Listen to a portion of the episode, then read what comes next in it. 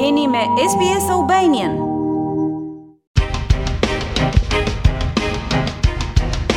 Që nga një korriku, në Australi do të hyjnë në fuqi një sërë ndryshimesh tatimore. Ato do të përfshijnë taksimin mbi kriptomonedhat, prurjet në cash, ndryshimet e pagave, pensionet dhe kostot e energjisë dhe do të prekin miliona australianë.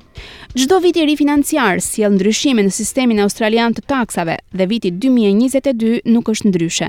Këtë herë zyra e taksave australiane ka identifikuar rritje të kapitalit, duke përfshirë asetet e kriptomonedhave si një nga fokuset kryesore të saj këtë vit si dhe një sërë ndryshimesh tatimore do të hyjnë në fuqi që nga një korriku. Ndihmës komisioneri i Zyrës Australiane të Taksave, Tim Loh, thotë se pjesë e ndryshimeve janë edhe kompanitë e fondeve të pensioneve.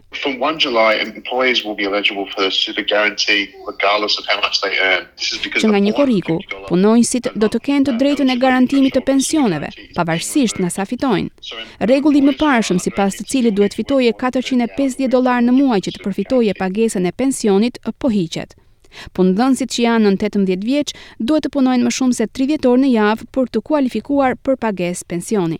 Norma e pagesës për Fondin e Pensionit do të rritet gjithashtu nga dhjetë për qind në dhjetë pikë pesë për qind, që do të thotë se punëdhënësit do të duhet të përdorin këtë normë të re për të llogaritur pagën e përmuajshme të pensionit pas një korrikut.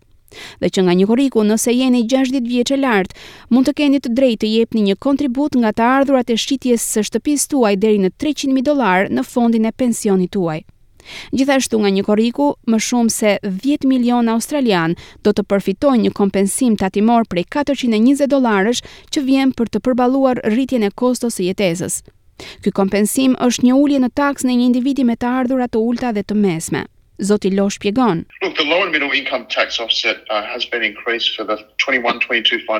Kompensimi i të ardhurave të ulëta dhe mesatare deri në njëqind e njëzet e gjashtë mijë dollarë është rritur për vitin financiar dy mijë e njëzet e një dy mijë e njëzet e dy për shuma midis gjashtëqind e shtatëdhjetë e pesë dhe një mijë e pesëqind dollarë. Zyra australiane e taksave do ta llogarisë automatikisht kompensimin e tatimit mbi të ardhurat më të ulëta dhe mesatare për ju. Ky kompensim i tatimit mbi të ardhurat do të zvogëlojë faturën tuaj tatimore me gjashtëqind e shtatëdhjetë e pesë deri një mijë e pesëqind dollarë. Është një kompensim i pakthyeshëm, kështu që do të reduktojë vetëm shumën e tatimit që paguani dhe nuk do të jetë një rimbursim shtesë për tatimpaguesit. Paga minimale. Është vendosur gjithashtu të rritet me pesë pikë dy për qind, me njëzet e një pikë tridhjetë e tetë dollarë më shumë, duke arritur në një rritje javore të pagës prej dyzet dollarë në javë, bazuar në një javë tridhjetë e tetë orëshe për një punonjës që punon me kohë të plotë. Do të rritet edhe subvencionimi i shtetit për kujdesin ndaj fëmijëve. Familjet me më shumë se një fëmijë të moshës pesë vjeç ose më të vogël do të marrin një normë më të lartë të subvencionit të kujdesit për fëmijë, për fëmijën e tyre të dytë dhe për çdo fëmijë të ri më pas.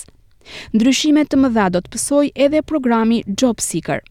Njerëzit që kualifikohen në këtë program dhe që u duhet të aplikonin më parë për njëzet vende pune çdo muaj për të marrë pagesën e asistencës nga shteti, tashmë do të zhvendosen në një sistem aktivizimi të bazuar në pikë. Këta njerëz tashmë do të duhet të plotësojnë njëqind pikë dhe të bëjnë të paktën pesë kërkime për të gjetur punë në muaj për të marrë pagesën e asistencës. Lista me mbi tridhjetë detyra dhe aktivitete ka secila vlerën e vet të pikëve. Ndërsa, në lidhje me aksionet në stock market, humbjet mund të përdoren për të kompensuar fitimet kapitale. Ja se ç'thotë drejtori i komunikimit tatimor të kompanisë H and R Block, Mark Chapman. Nëse ka ndonjë aksion me humbje, uh, atëherë thjesht mund t'i shisni ato përpara fundit të vitit dhe të përdorni çdo humbje për të kompensuar fitimet e kapitalit. Ndërsa Harrison Dell, një avokat tatimor, paralajmëron për ndryshime të reja në tregtimin dhe taksat për kriptomonedhat. The tax events for most people as just a casual investor will be whenever they swap a token or whenever they receive a token.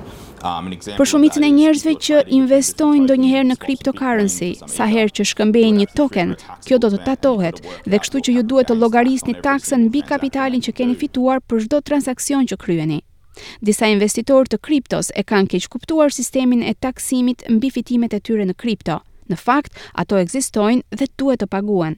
Ndërsa, kur bëhet fjalë për vlerësimin nga Zyra Australiane e Taksave të vitit tatimor dy mijë e njëzet e dy, kjo zyrë thekson rëndësinë që ka të ruani faturat e mallrave të taksueshme, të ardhurat dhe zbritjet nga pronat e lëna me qera dhe shpenzimet e lidhura me punën.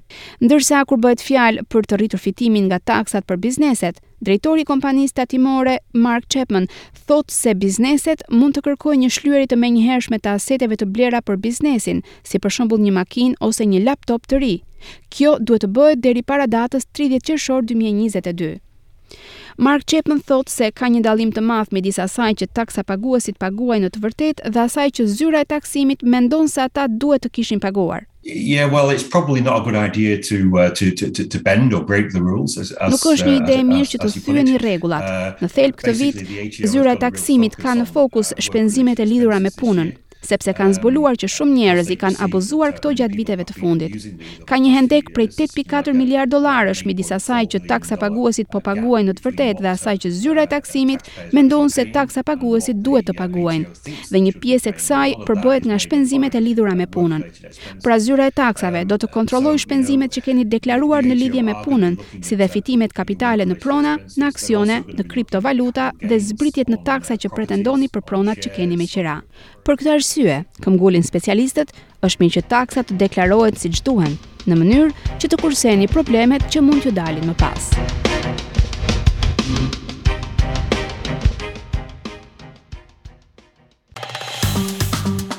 A ju pëlqeu ky reportazh? Për më shumë vizitoni Apple Podcast, Spotify ose faqet e tjera të podcast.